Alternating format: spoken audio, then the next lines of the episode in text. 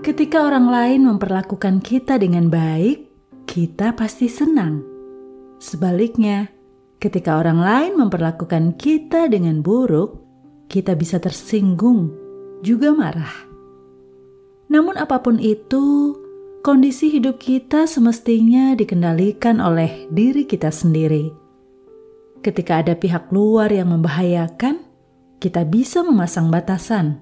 Kita buat benteng pertahanan bahkan perlawanan saat kondisi sudah mulai tidak kondusif, mengobrak-abrik ketentraman, bahkan mengancam stabilitasnya.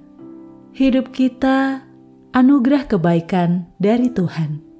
Jangan izinkan pihak lain semena-mena merusaknya. Kita perlu menjaganya.